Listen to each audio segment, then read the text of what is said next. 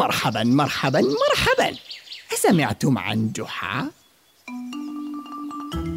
بالطبع سمعتم عنه. فهناك الكثير من الحكايات والقصص عن جحا.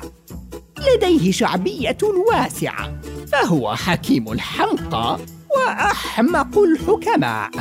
ولديه خفة دم وروح دعابة. وحب للمرح وهذا ما جعله محبوبا مع كل من قابله إلا طبعا هؤلاء الذين أغلطوا بحقه فتلقنوا دروسا لن ينسوها من وراء خططه الماكرة ولكن أتعرفون القصص كما أعرفها أنا؟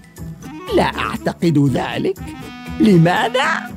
لأنني كنت هناك عندما واجه جحا أبو قاسم الظالم برغيف خبز وعندما سرق صديقه وتخبأ منه عبر قرية كاملة والوقت الذي ذهب لحفل راقي ليطعم عباءته.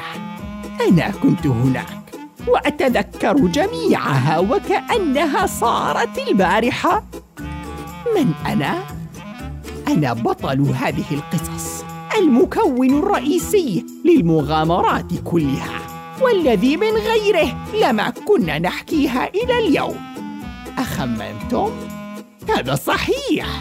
آه أنا شلهوب. حمار جحا. آه.